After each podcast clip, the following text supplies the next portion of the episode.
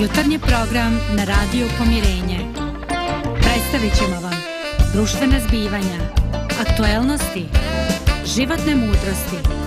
Uključit ćemo i goste koji će govoriti o različitim aspektima života. Sve ćemo bogatiti dobrom muzikom.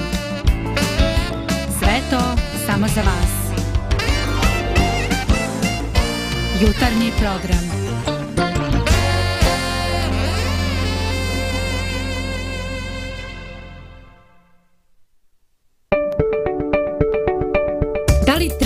Sreću? Pokreni svoj život i sve vrijednosti društva na opačke. I tada ćeš pronaći sreću. Program na opačke. Dobro jutro, dragi gledalci i slušalci. Nadamo se da ste dobro. Nadamo se da uživate u ovim posljednjim danima zime. Juče sam rekao Nataši ovo je kao da je 1. januar, a ne 1. mart.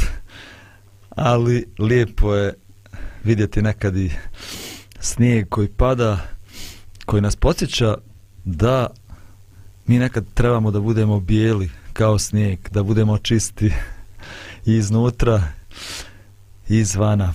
Pozdravljam moje koleginice u studiju, tu su Lidija i Dragana. Pozdravljamo i mi tebe, Božo. Dobro. A, danas ćemo imati jednu zanimljivu temu, interesantnu, nadam se za ljude i pripadnike svih religija, zato što ćemo govoriti o tome šta je dobra, a šta loša vjera. Mi religiozni ljudi uvijek želimo nekako tu svoju vjeru da podijelimo sa drugim ljudima, ali često nailazimo da ti ljudi, drugi, nisu baš tako otvoreni za našu vjeru ili za našu religiju kojoj pripadamo. I često smatramo da oni odbacuju vjeru. A da li je to stvarno tako? Da li oni odbacuju vjeru ili možda odbacuju lošu verziju vjere? Religijske institucije koje su izgubile dodir sa realnošću. Vjeru koja ne čini ljude bolje, boljim, nego ih čini dosadnim, depresivnim. Religiju koja nema uticaja na društvo. Pa danas želimo da uporedimo šta je to dobra vjera, šta je loša vjera. Pa evo jedno pitanje na početku za Lidiju i za Draganu.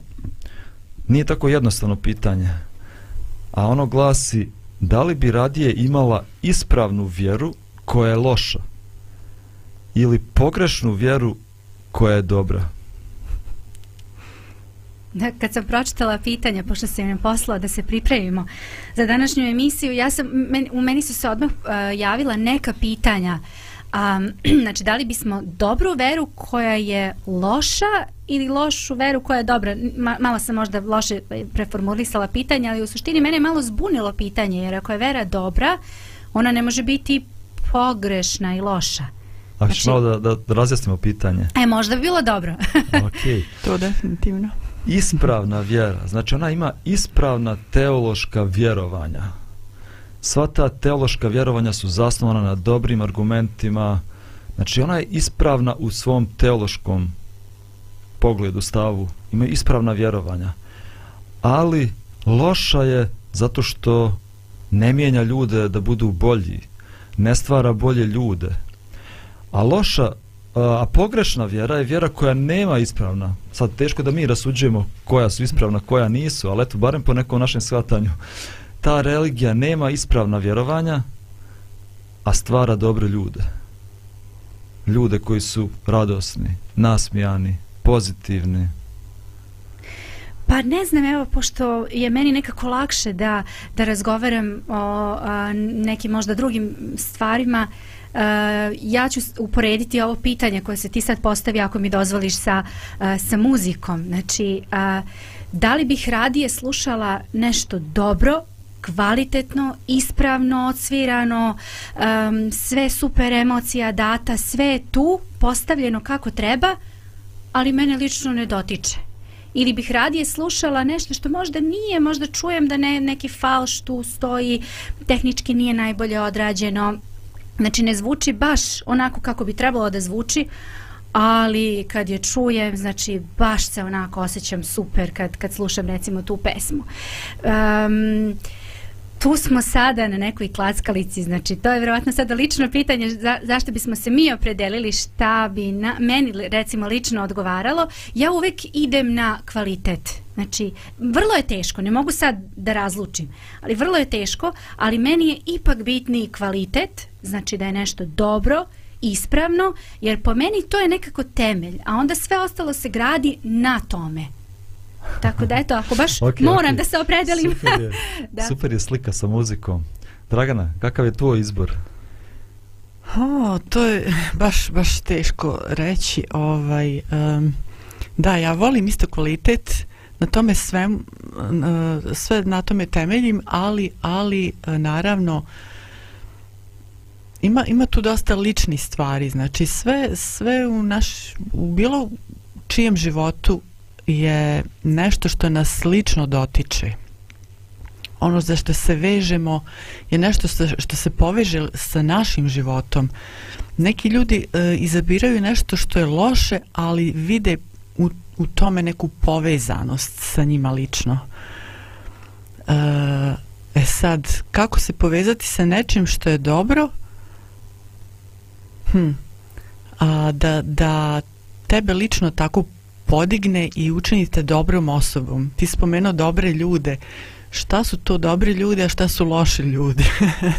da li su samo oni koji su nasmijani dobri ili su im, imaju još neke kvalitete? Znači, mm. koje još kvalitete spadaju u to? Um, tako da ovo pitanje um, ja volim da temeljim na tome. Ja bi izabrala, znaš, ispravnu religiju, ali da je dobra. to je idealna situacija. To je ekstra. Mislim, da, to, ono. to vam nisam dao tu opciju. Jeste. nisam dao tu opciju. A, da, to bi bilo najbolji izbor. Da imaš religiju koja ima ispravna vjerovanja i koja vodi do toga da budeš bolja osoba. Pa dobro, danas ćemo malo o tome da govorimo. Nažalost, često imamo ono što vidimo u vjerskim zajednicama, religijama, ovakav izbor. Ili imaš ljude koji za sebe smatraju da imaju ispravna religijska vjerovanja, a hladni su, nemaju ljubavi, beživotni su, apatični su, ili imaš drugu vrstu ljudi koja, kojih nije ni briga za da li su njihova vjerovanja ispravna, a nekako njihov život vidiš da je drugačiji, bolji, da ima više ljubavi u njihovom životu, više pozitivnog u njihovom životu, više radosti u njihovom životu. Pa ajde, danas ćemo govoriti o tome kako da imamo i ispravnu vjeru i dobru vjeru.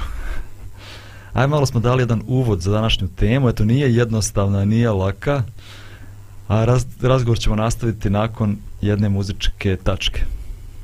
Da li mi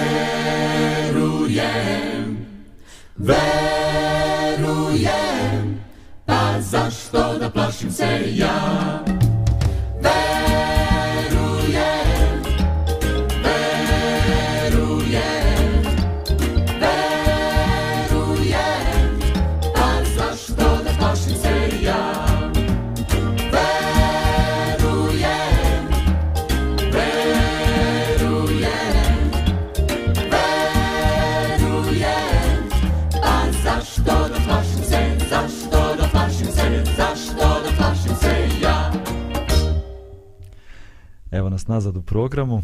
Pričamo o dobroj i o lošoj vjeri.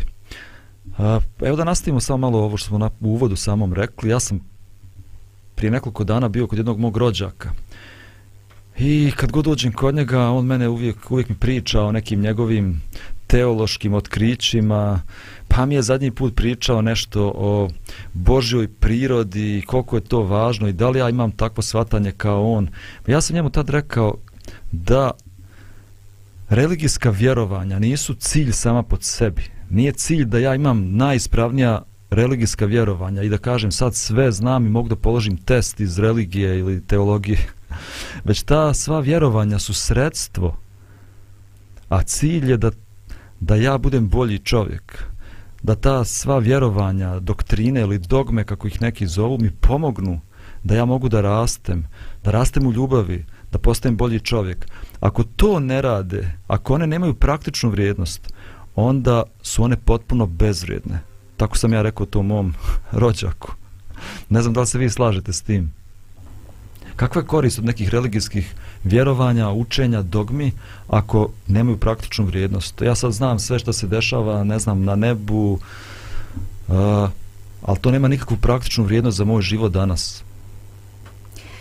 Pa e, ja sam započela jutros, e, ne jutros nego kad, pa da jutros kada smo krenuli sa ovom temom, pa ću možda u tom pravcu nekako i da nastavim i da produžim ovu priču.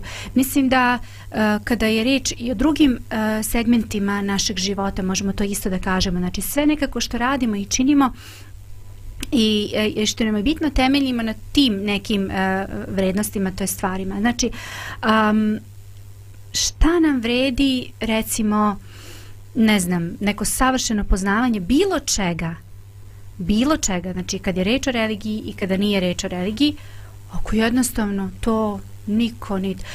Opet ću se na muziku vratiti, ja, ja moram zato što nekako mi je to bliskije i a, recimo ako vi možete da napravite, znam znači kompozitore koji su pisali, znači znamo i svi koji su pisali toliko kompozicija, recimo i neke kompozicije, recimo pesme spremali da budu hitovi. I oni su njih pisali kako bi bili hitovi. Sve uradili savršeno, sve u svojim glavama kako bi to trebalo da zvuči, kako će narod to prihvatiti.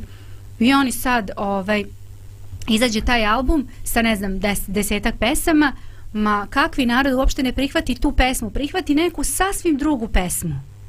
Zašto? Pa ne znam zašto. Zato što je nekako doprala do srca ljudi ta neka druga pesma, a ova je nekako ostala malo po strani. Znači, um, može, možemo mi e, imati savršenu religiju u smislu da da se pridržavamo apsolutno svega, da mislimo da doktrinalno znamo sve ispravno, a da budemo loši ljudi. To je takav paradoks, ali je vrlo moguće. A, ja sam na početku rekla, ja, ja se držim toga čvrsto, ja ću se do kraja emisije toga držati zato što to je moj stav i moje mišljenje. Ja ipak želim da se temeljim na čvrstim, ispravnim, doktrinalnim stavovima i istinama i mislim da odatle počinjemo. Šta mi vredi da hoću da napišem kompoziciju, ne znam note ili ne znam recimo kako da uklopim sada tekst sa melodijom, mislim sad dajem banalan primer, ali ja moram znati te osnovne stvari kako bih mogla odatle da krenem. To mi je pomoć kako bih kroz muziku došla do ljude. Meni je ovo pomoć kako bih mogla da iskomuniciram sa ljudima oko sebe. Tako da, ne znam, jeste bitno, bit, bitni su temelji, ali je jako bitno po meni i bitnije u kontekstu odnosa. Jer juče smo rekli sve je u odnosima. Mm -hmm. Uvijek to, često to znamo reći. Naglasiti te odnose i jeste to tako. Ovo, ja kad sam istraživala, znači još od mlađih godina šta je to smisao života? Pa pitam mamu, pitam tatu pitam odrasli razne pitam ovo ali niko mi ne može konkretno baš reći. Ono što sam naučila da je dobro za život jeste u stvari od mojih roditelja od raznih ljudi koji su bili baš onako što se tiče toga znači praktični u životu da kažu e ovo je dobro za čovjeka. Biti uh, čovjek koji voli koji pazi na druge koji tako radi znači u, u tom pogledu uh, ljudi koji su tako govorili i ponašali se, što sam vidjela u njihovom ponašanju to me nekako usmjeravalo u životu. A sad teorija sama teorija mi može na neki način pomoći ali sad da, da od mene teorija napravi bolju osobu to ne znam baš može u nekoj maljoj mjeri ali sad ako ja stvarno nemam života u sebi to džaba mi sve. Da, da, da. Da, pa i recimo u školi kad naše deca uče ovaj, neke predmete, to je toliko očigledno, da složit će se svi roditelji danas sa mnom, da recimo predmeti koji imaju neku svrhu, ne, neki cilj, nešto se vidi, recimo, evo baš juče sam sa Filipom ponavljala biologiju, pa on uči građu lista, pa kako to sve izgleda, pa učio različitim stvarima istoriju, on kaže, jo, meni je to tako zanimljivo, zato što ga to zanima, znači to ima, ima neki cilj, ima neku svrhu, ali recimo predmeti koji su onako striktni, najčešće recimo deca ne vole fiziku, hemiju, haj matematiku moraju znati do tih nekih osnovnih stvari. Ako to već pre, e, prevazići tu neku osnovnu svrhu računjanja i onoga što mi običan narod znamo, onda jednostavno ne vide cilj. Zašto bi oni to učili? Zašto moraju da znam, znaju tamo korene i ne znam ovaj, već neke druge stvari? E, tako da, to je suština. da, djeca nekad zaborave da postoji cilj u tome. Moja djeca isto, zašto moram ovo da učim? Pa postoji cilj da te osposobi u životu. Zašto da učiš matematiku? Pa da te sposobi da budeš u stanju da obavljaš određene poslove, da računaš, da, da radiš. Sve ima neki cilj da tebe osposobi da budeš bolji, da rasteš, da napreduješ. U tome je cilj religije. Čak postoji jedan tekst tamo u Svetom pismu koji kaže sve je pismo od Boga dano i korisno za učenje, za ukoravanje, za popravljanje u pravednosti. Da bude savršen čovjek Boži, za svako dobro djelo pripremljen. Mm. To je svrha, to je cilj. I dobro je da imamo na umu uvijek koji je cilj. Kad čitam, evo Dragana govori o teoriji, svakog jutra ja čitam nešto, ja čitam uh, sveto pismo, nije cilj da ja budem najpametniji, da ja imam najveće znanje iz toga, nego cilj je moja transformacija, da ja budem promijenjen, da ja budem transformisan, da ja budem novi čovjek pripremljen za život ljubavi, za dobra djela koja činim. A vidiš, ovaj, ja, i to kad sam tražila taj smisao, neki, uh, uvijek mi je nekako bježala, da kažem, misao iz mog uma uh, negdje van, van planete Zemlje. Ja sam mislila, rekao, da nisam ja možda pretjerala u tome, pošto sam ja inače vojila, ono, željela sam da budem kao, kao malo da budem astronaut. o, nisam to znala. da, da, da, svi su htjeli da budu doktori i profesori, a ja astronaut. Da. ovaj, Reko da, nisam otišla u tome, ali kako god razmišljam, e, taj smisao se mora tražiti izvan ljudskog uma. Ne znam, i, i to me uvijek nekako pokretalo. Nisam bila toga ni svjesna kad sam bila mlađa, ali, ali e, ta povezanost planete Zemlje sa, sa ostatkom svemira i to je neki odnos, znači. Sad, gdje smo mi tu, kako, kako čovečanstvo, kako ostali ljudi gledaju na to, to je, mislim, pitanje za svakog čovjeka pojedinačno, znači, u tome je ta dobra i loša e, religija, da kažem, vjera. Da, ja sam baš ovdje na kraju stavio e, karakteristike dobre vjere, pa sam stavio baš odnos. Dobra vjera jeste odnos sa tvorcem. A loša vjera je kad nema odnosa, kad je to samo neki mrtvi ritual, forma, ali dobro doćemo do dobre vjere. Ajde malo da kažemo o toj lošoj, lošoj vjeri prvo, pa ćemo onda doći do dobre vjere.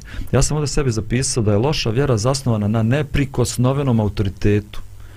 Postoji neki neprikosnoveni autoritet koji određuje šta je ispravno, šta nije ispravno i ti ne smiješ da postavljaš pitanja, razmišljaš, prihvataš jednostavno neprikosnoveni autoritet. Šta mislite, je li to dobro ili loše? Zašto je to dobro ili loše? Ne znam, meni odmah neka nelagoda i jeza kad, kad mi neko zabranjuje da, da to radim, da, da razmišljam, da postavljam pitanja, onda samo stavimo onako neki, neku vrstu uh, granice, ne znam, u svom umu i to je to. Nema dalje. da, pa sve dok su autoriteti a, pomoć nama da razumemo, to je dobro. Ali kad pređu u taj neki uh, naređivački um, autoritativni stav i, i, i želju da uh, smatraju da su samo oni ti koji mogu da, da prenesu znanje i samo oni ti koji mogu da tumače, e onda to već postaje. Zašto je to problem? Zašto je problem? Zato što je uh, Biblija napisana tako da je svako može razumeti. Znači ako govorimo sada o, o hrišćanstvu. Znači svako je može razumeti. I malo dete i odrasla osoba. I nije teško tumačiti. Nije. Znači ove naj da kažemo životnije stvari svako može da pročita i da protumači. I zato, zato ja smatram da ti autoriteti koji, um, na, da kažem, nameću svoj autoritet, a, su nešto što ne može biti pomoć za razumevanje, već samo nešto što je protiv toga. da, ti kažeš, ovaj, lako je. I svaku, ja isto smatram da je lako, ali opet postoji 40.000 hrišćanskih denominacija zato što se ne mogu složiti oko oko toga šta je to što Biblija uči. Ali ne samo hrišćanski, to možemo prenijeti na druge, Absolutno. na druge religije također. Znači, često mi sretnemo ljude, kad postaviš im pitanje, oni kažu, oni uzmu knjigu, kažu, ne, ne, autoritet je rekao, ja nemam tu šta da razmišljam. A, nije dobro zato što nas to sputava da rastemo. Mi nismo u stanju da razmišljamo, da, da ispitujemo, a to je, to je jednostavno prepreka da bismo mogli da rastemo i da napredujemo. Drugo, ja sam ovdje rekao, napisao sebi da je zasnovana na pritiscima. Pritisak grupe da postaneš kao što su oni. Ili pritisak grupe da se ne mijenjaš. A, mm. Također jedan primjer loše vjere. Ne znam da li ste nekad to živjeli. Pritisak.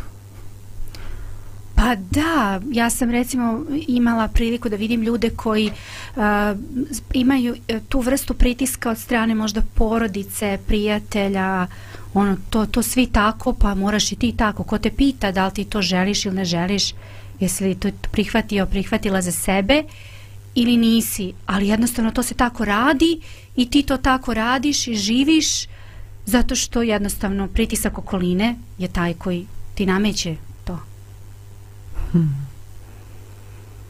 Da, ti želiš u stvari, svataš da ima nešto bolje, ali osjećaš, ali porodica vrši na tebe pritisak ili društvo vrši na tebe pritisak da ostaneš takav kakav jesi, da ne izađeš iz kutije u kojoj oni žive. Znači, to su uvijek loše stvari. Uvijek je loše kad, kad mi vršimo pritisak na druge ili kad kada neko vrši pritisak na nas to nije prava vjera, to nije dobra vjera. Prava vjera ne vrši pritisak, prava vjera daje slobodu ljudima. Bog daje ljudima slobodu. Ona se stvorio kao slobodna bića, dao nam je slobodu izbora da možemo da izaberemo. Tako i mi ne trebamo da, da vršimo pritisak. A to je interesantno što se rekao, znači ti pritisci i porodica i okolina. I bilo koja grupa gdje god u toku dana odeš negdje da li prođeš ulicom, svejedno osjetiš taj pritisak bar nekoga a, možda ne svaki dan, ali često a, ljudi vrše pritiske jedni dan druge. Znači, bez obzira i koja je grupacija i, i o, o čemu govorimo, da li, da li o religiji, o bilo Mhm. čemu. Mhm. Znači, Nameću. namećemo sebe jedni drugima moj moje uh, mišljenje moj autoritet moje ovo moje ono Shvatanje. znači ti ili ne smiješ da se mijenjaš ili moraš da se mijenjaš onako kako ja zamišljam tako treba da bude ja sam Bog i tako svako od nas misli od nas ljudi Očekujemo da drugi ljudi se tako ponašaju. Prema mom shvatanju onog što je ispravno. I da. Ok, imamo još nekoliko a, primjera loše vjere, ali ajde prije toga da opet napravimo jednu malu pauzu pa ćemo da nastavimo dalje.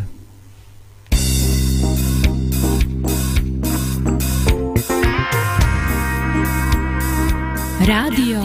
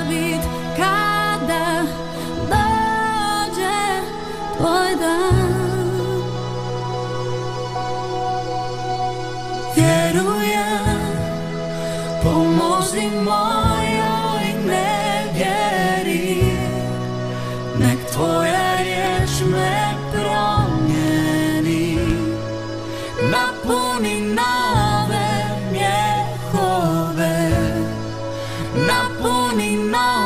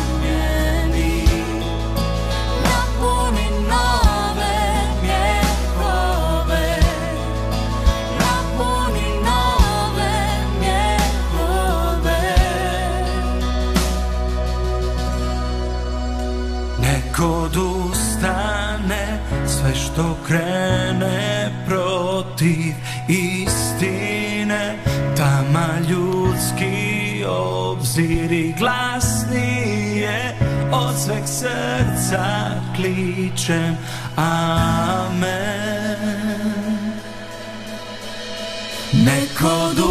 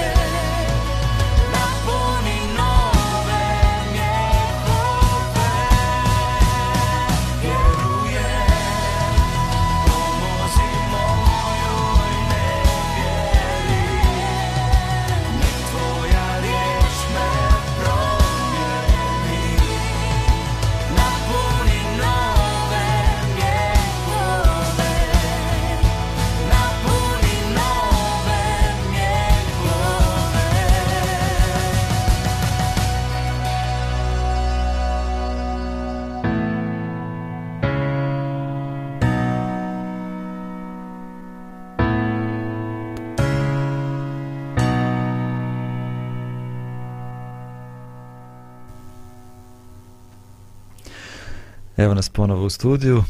Nadamo se da ste uživali u ovoj pjesmi. Ova pjesma i govori o tome šta je prava vjera. Jer kaže, vjerujem, pomozi mu ome nevjerju. Jer prava vjera je uvijek iskrena. Ali evo, doćemo do prave vjere u sljedećem segmentu, da sad završimo s ovom lošom vjerom. Nadam se što prije da završimo s njom. ovaj, ovdje sam sebi napisao da je loša vjera arogantna, nespremna da uči. Kad se ja osjećam superiornim u odnosu na ljude drugih religija, kad smatram a, kad s osudom gledam na njih, sa nekim nipodaštavanjem govorim o nekom drugom ili pripadnicima drugih religija, onda smatram da to loša vjera. Ne znam da li ste nekad imali doživjeli, ili ste možda nekad sami bili ovakvi,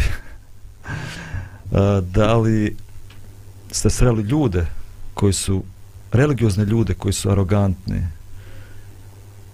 Pa ja sam bila i jedno i drugo. Moram priznati, da, da, da. Znam to kako je i kad je prema tebi neko arogantan i kad, i ono, kad je prema meni neko je arogantan i ja prema drugome u pogledu religije, znam, znam, nažalost. Da, ja sam isto i prisustvovala i slušala sam recimo te neke e, debate, ne, ne današnjeg tipa. Danas ipak ljudi malo vode računa. Kad pra, rade debate, onda oni vode računa da ipak se čuje jedna i druga strana i da ostanu onako neutralni u smislu da ostave ljudima da, da donesu odluku i neki zaključak. Ali ranije, recimo, debate, ja se sećam ranijih debata koje su bile, to je bilo, znači, toliko nekako jedna i druga strana su toliko bili ovaj, puni neke energije misleći da su oni u pravu, oni će sada dokažu svojim stavovima, svojim mišljenjima, svojim rečima da su oni i njihova istina da je zaista prava istina. Ove, tako da tu nema nema prave. E, ali vidiš da to me, o, ja nisam prema drugim religijama bila ovaj uh, arogantna, nego prema pripadnicima svoje. svoje. Da, da, da. da. Da, kao ja sam, ja sam naučila kao nešto novo i sad, a ti to ne znaš i sad sam ja kao više od tebe, nema to. Jeste. Ili ja sam bolja, znaš, ja gledam šta drugi rade, e, ni, ni, niko nije kao ja, ono kao, u, pa kako to možeš, pa, Pa tako. teško, ja. Da, ja sam bolja. da, da. Da, generalno to je problem kod nas u Bosni i Hercegovini, zato što mm -hmm. mi nekako, zato smo se i podijelili u različite uh, mm. grupe, zato što se plašimo ovog drugog. Da. Mi imamo, mi smo ispravni, ja od tebe nemam ništa da naučim, nekad čak ja moram da zaštitim svoje dijete, da ne bi slučajno se igralo s ovom drugom djecom, jer ko zna šta oni mogu da mu... Jest, jest, jest. Ja sam i pričao o jednoj emisiji koju je Zdravko vodio, primjer kad smo moj rođak i ja izbacili to su bili jehovini svjedoci, znači koji su došli da razgovaraju s nama u kuću i mi smo njih istirali iz kuće, izbacili, bacili im cipele kroz vrata, zato što smo mi se osjećali superiorno, onda su na njih arogantno smo se Mm. ponašali prema njima, znači jedan grozan primjer religije. Mi nekad zamišljamo religiju kao da je to neki boks meč, pa kad satiraš nekoga u čošak i zadaš mu neki nokaut, udarac, onda si pobjedio u tom ovaj meč, ali to A nije tako. To, Jest. Religija bi trebala da bude kao ples, dva partnera pomažu jedno drugome, Da. zajedno ho, zajedno se kreću da dođu do nekog cilja, ne znam. Ista bića, isti tvorac. Mislim, ono. Tako je. Da. Ja sam ovdje dalje napisao da je prava religija nepoštena. Misliš, ona A, Loša. loša, loša, loša, Da, da. loša, loša religija je nepoštena u smislu uvijek govorim loše o drugim religijama, uvijek vidim šta je loše kod njih, a kod sebe vidim loše stvari, ali o tome nikad ne govorim.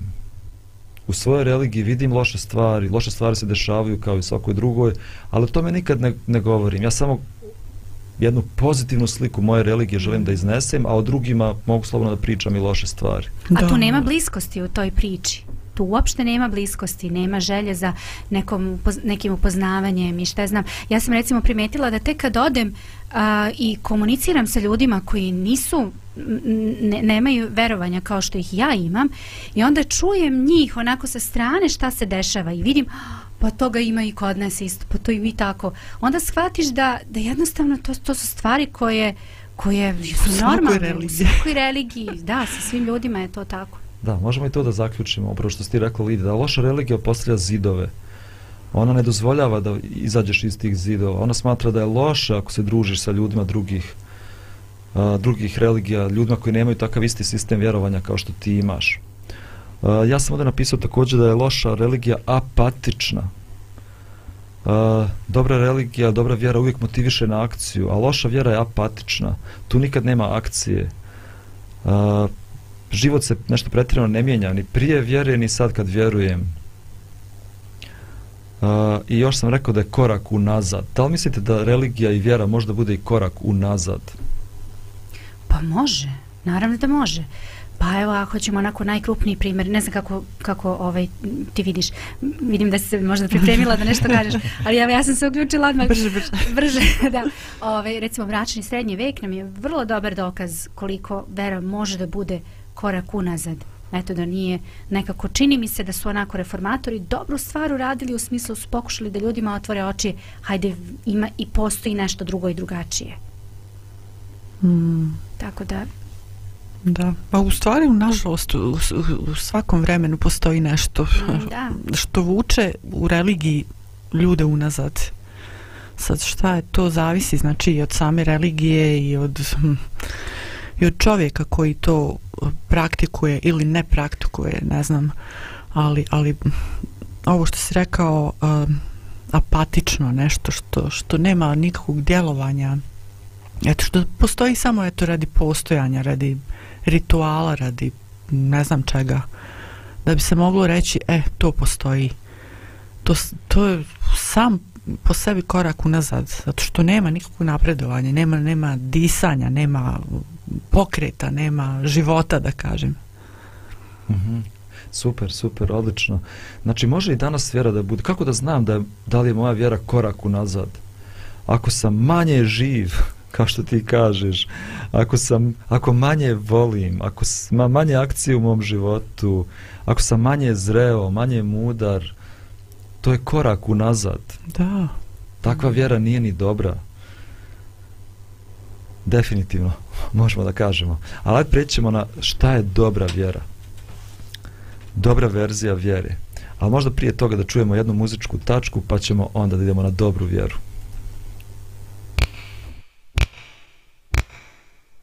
Ra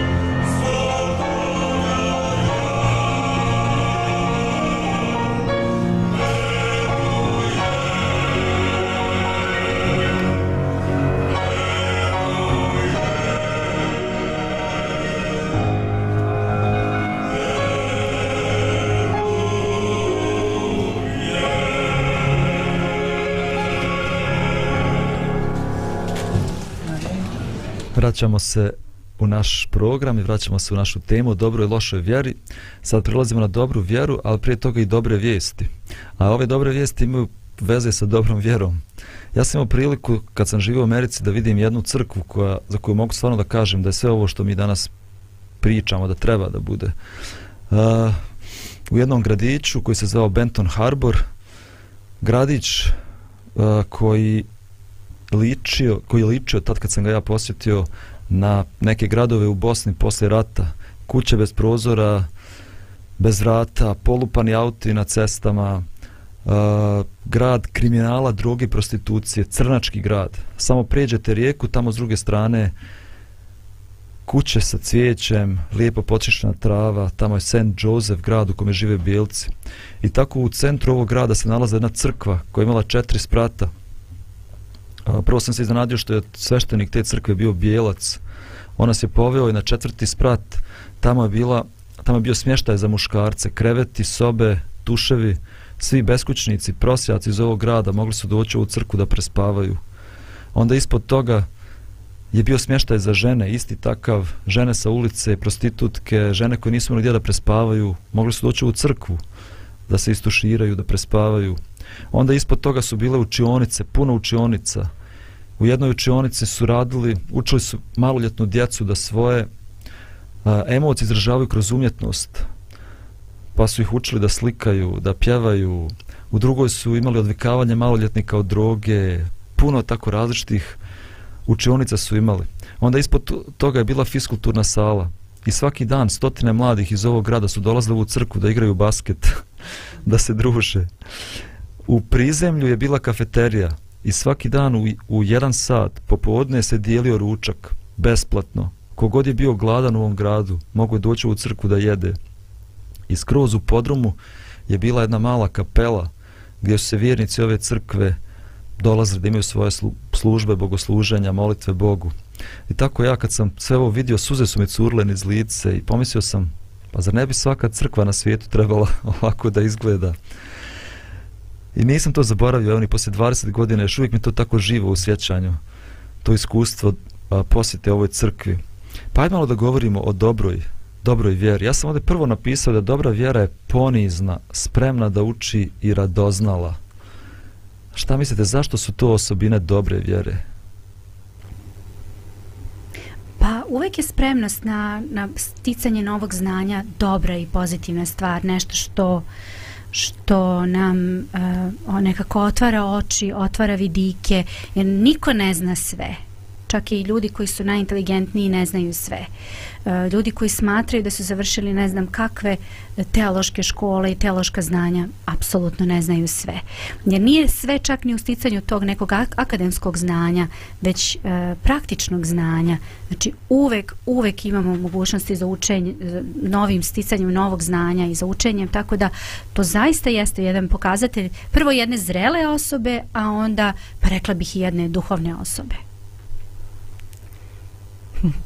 Pa ljudi kad gledaju recepte redovno, znači objašnjava nam dosta to znači da ljudi ne znaju kako na koje sve načine mogu upotre- upotrijebiti jedno jaje. Mm. Kako ga skuvati, na, na ovaj način, na onaj, na neki tamo stoti način, ispeći ga na ovaj ili na onaj način ili ne znam šta. Znači, niko ne zna sve. Čovjek ne zna o čovjeku sve. A kako ćemo onda znati o Bogu sve? A Tako mi a, u, u, u takvoj religiji koja je dobra, čovjek će reći, pa ja nemam pojma ni o sebi, a kako ću znati onda o Bogu? Znači, ja sam samo se malo približio njemu i to zahvaljujući njegovoj milosti. Mhm. Super, odlično. Znači prava vjera je ponizna. Nemam ja odgovore na sva pitanja. Mi često tako se ponašamo kao da imamo odgovore na sva pitanja, a u stvarnosti mnogo toga ne znamo. Ja sam ovdje napisao također da je dobra vjera poštena. Zato što u svom religioznom životu mi nemamo uvijek snažnu vjeru, nismo uvijek sigurni u sve, mi često imamo i sumnje, ne znam za vas, da li vi imate u svom životu nekad i vašem religioznom životu Svakako. sumnje, Svakako. postavite svakako. pitanja nekada, Da. Definitivno, definitivno, mislim, Svako to doživljava. Ako to već doživljavam, pa zar ne bih trebao da budem iskren i pošten i da to podijelim također sa drugima? Ne samo dobre strane moje vjere i kako sam uvijek uh, snažan u vjeri, već također i svoje sumnje, pitanja koja postavljam. Znači, dobra vjera bi trebala da bude poštena, da bude iskrena. Ovdje sam također napisao da je dobra vjera ajde preskočit ćemo neke stvari, aktivna, znači rekli smo dobra vjera treba uvijek da motiviše na akciju, uvijek treba da motiviše na službu drugim ljudima, a ne samo službu sebi. Ako je to služba samo meni, ako ja sam vam koristio te, te vjere, onda to rekao bi to nije prava vjera. Mm, da.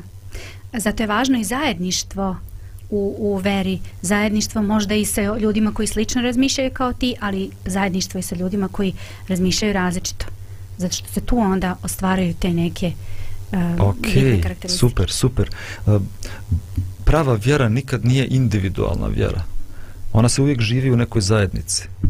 Ti si evo sad rekla zašto je to važno.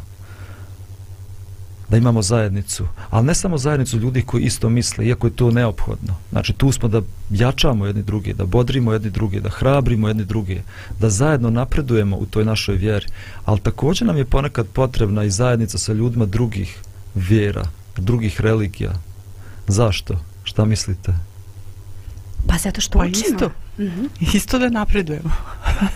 apsolutno. Znači, razvijaš se kroz te stvari, kroz znači sudar, ne, ne mogu reći sudar, ali od, od, otkrivenje neko, neke druge misli eh, koja je totalno rašita od tvoje, isto može da ti otvori oči jako.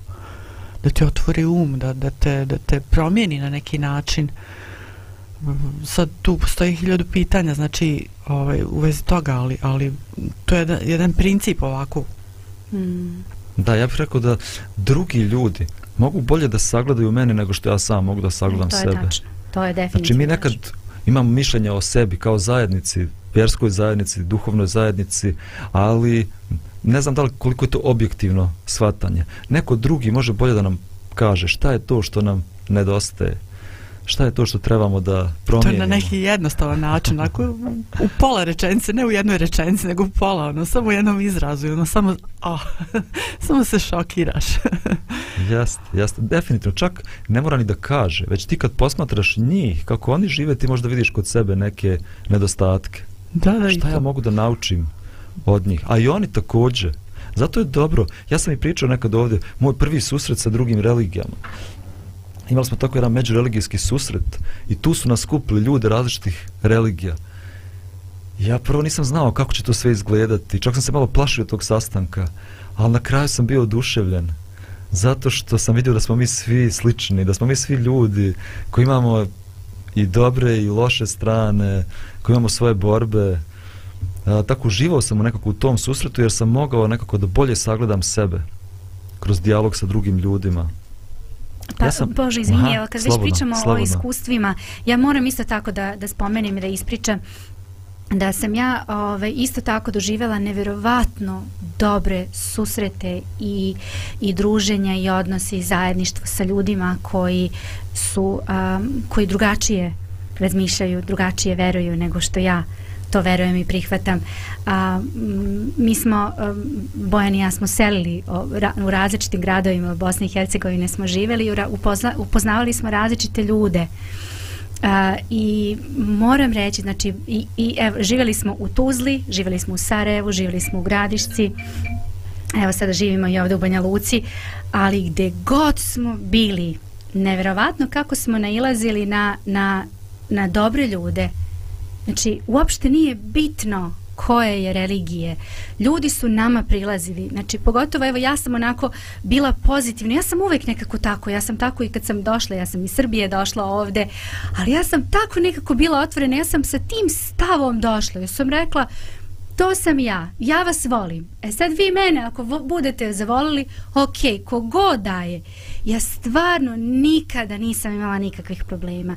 Ne samo da nisam imala probleme, nego imam izuzetne prijatelje a, ljude različitih a, em, vera, različitih interesovanja. em, ne bih sad nikog specifično pojedinačno spominjala, ali to su ljudi koji nemaju nikakve predrasude, koji žele da komuniciraju, koji žele da otkrivaju neke nove stvari. Niko tu ne želi nekoga sad da, ne znam, prebaci u svoju veru, da neko sad tu nekoga vrbuje. Znači, nikome to nije u interesu. Ove, svi ljudi sa kojima sam zaista bila u kontaktu su bili tako otvoreni. Poznajem baš evo jednu grupu iz Gradiške, grupu žena koje se okupljaju. Znači, one su sve različite, različitog religijskog, eh, religijske pozadine, ali se tako dobro druže. Kad god neko ima nešto u ovaj, neku religijsku tu um, svetkovinu, sve se one zajedno okupe, druže, znači to je nešto što mene stvarno oduševljava. Tako da baš eto podržavam. Mhm. Hvala ti, hvala ti što si to podijelilo. Ja sam isto imao, dok sam živio u Sarajevu, imao sam puno prijatelja muslimana, ne znam, i Junuz, i Mirsada, i mnogi drugi. Ja sam učio, stvarno sam učio i od njih. Ja imam praksu svakog jutra da se molim Bogu. I ujutro imam taj neki svoj ritual kad provodim vrijeme sa Bogom i čitam i molim se i tako. Ali muslimani se mole pet puta dnevno. I ja sam to shvatio kao nešto dobro što mogu da naučim. Jer ja ujutro se osjećam snažan poslije tog mog jutarnjeg vremena i pun sam vjere i elana i svega. Ali nekako naveče mi to već totalno izblijedi. Ali muslimani se mole pet puta dnevno. Pet puta dnevno on se podsjeća na prave vrijednosti u životu. Otvara svoj život Bogu. Posjeća se da nije sam u životu, da postoji Bog koji vodi njegov život. Tako da sam mogu puno toga da naučim. Onda ne znam, post u Sarajevu je nešto baš fantastično. Mm. To je tako jedno vrijeme zajedništva za sve ljude. Naveče sve zaživi, svi restorani su puni, eh, grad vrvi od ljudi, život se dešava. Nekako sam baš uživao u tom periodu posta u Sarajevu. Još sam ovdje rek, napisao nešto važno. Prava vjera je teška prava vjera ne donosi samo beneficije, nego me i košta. A, kako mogu siguran biti da je moje traganje za istinom, stvarno traganje za istinom, a ne za beneficijama, ako me ta vjera ne košta? Ako ona samo donosi komplimente i poštovanje drugih ljudi, a nikada odbacivanje, nerazumijevanje, da li sam ja možda vjernik zbog društvenog prihvatanja, Šta mislite, da li je vrijedna takva vjera uopšte ako me ne košta ništa? Pa ja bi se pitala, to je vrlo ozbiljno pitanje. Jer ja vidim da, da inače kad sam istraživala o raznim religijama u toku života, znači to vidim da to ljude košta. Ali, ali um, vidim da je mene koštalo nekih ljudi da se više ne družimo, nažalost, ali sam dobila neke druge ljude u svoj život, nešto sam drugo isto izgubila, nešto sam dobila, znači, zavisi, znači, ali, ali približiš se zapravo i Bogu i svojoj, svom nekom smislu i svrsi svojoj, tako da čovjek se ispuni kada, kada nađe ono što stvarno vjeruje, što je prava vjera. Mm. Mhm. Definitivno, znači, ako je to prava vjera, ako me ona uči poštenju, ljubavi, onda ću zbog toga često imati problema. Doći u situaciju kad ću zbog svog poštenja morati da trpim, možda da izgubim posao, možda da ne dobijem nešto što drugi dobijaju, ali ja sam ipak pošten i držim se onog što moja vjera uči. Uh, ako živim životom ljubavi prema svim ljudima, a mene uče i traže od mene da odbacujem druge ljude, imaću neprilike zbog toga, kao što su neki ljudi imali u prošlosti, zbog toga, znači prava vjera će da me košta, ali ipak sam radostan zbog toga što me košta, zato što me uzdiže iznad uh, iznad mase, mm -hmm. daj mogućnost da živim jednim slobodnim životom, Evo, privodimo ovu našu priču o dobroj vjeri na uh, kraju. Ja bih volio na kraju da pročitam jedan tekst koji govori šta je prava vjera. U stvari, prava vjera je ljubav. I taj tekst je zapisan u Novom Zavjetu u prvoj Korinčanima poslanici. A on glasi ovako. Ako ljudske i anđeoske jezike govorim, a ljubavi nemam, onda sam metal koji odjekuje i činele koje zveče, i ako imam dar prorokovanja, ako znam sve tajne i sva znanja, i ako imam svu vjeru, tako da gore premještam, a ljubavi nemam, ništa sam. Ako siromasima razdijelim sve što imam, i ako svoje tijelo predam da se sažežem, a ljubavi nemam, ništa mi ne koristi. Ljubav je strpljiva, ljubav je dobra, ona ne zavidi, ne hvališe se, ne pravi se važna, nije nepristojna, ne traži svoje, nije razdražljiva, ne pamti zlo, ne raduje se nepravdi, a raduje se istini. Ljubav nikada ne prestaje. Želim vam lijep i ugodan dan, vidimo se ponovo sutra. Doviđenja.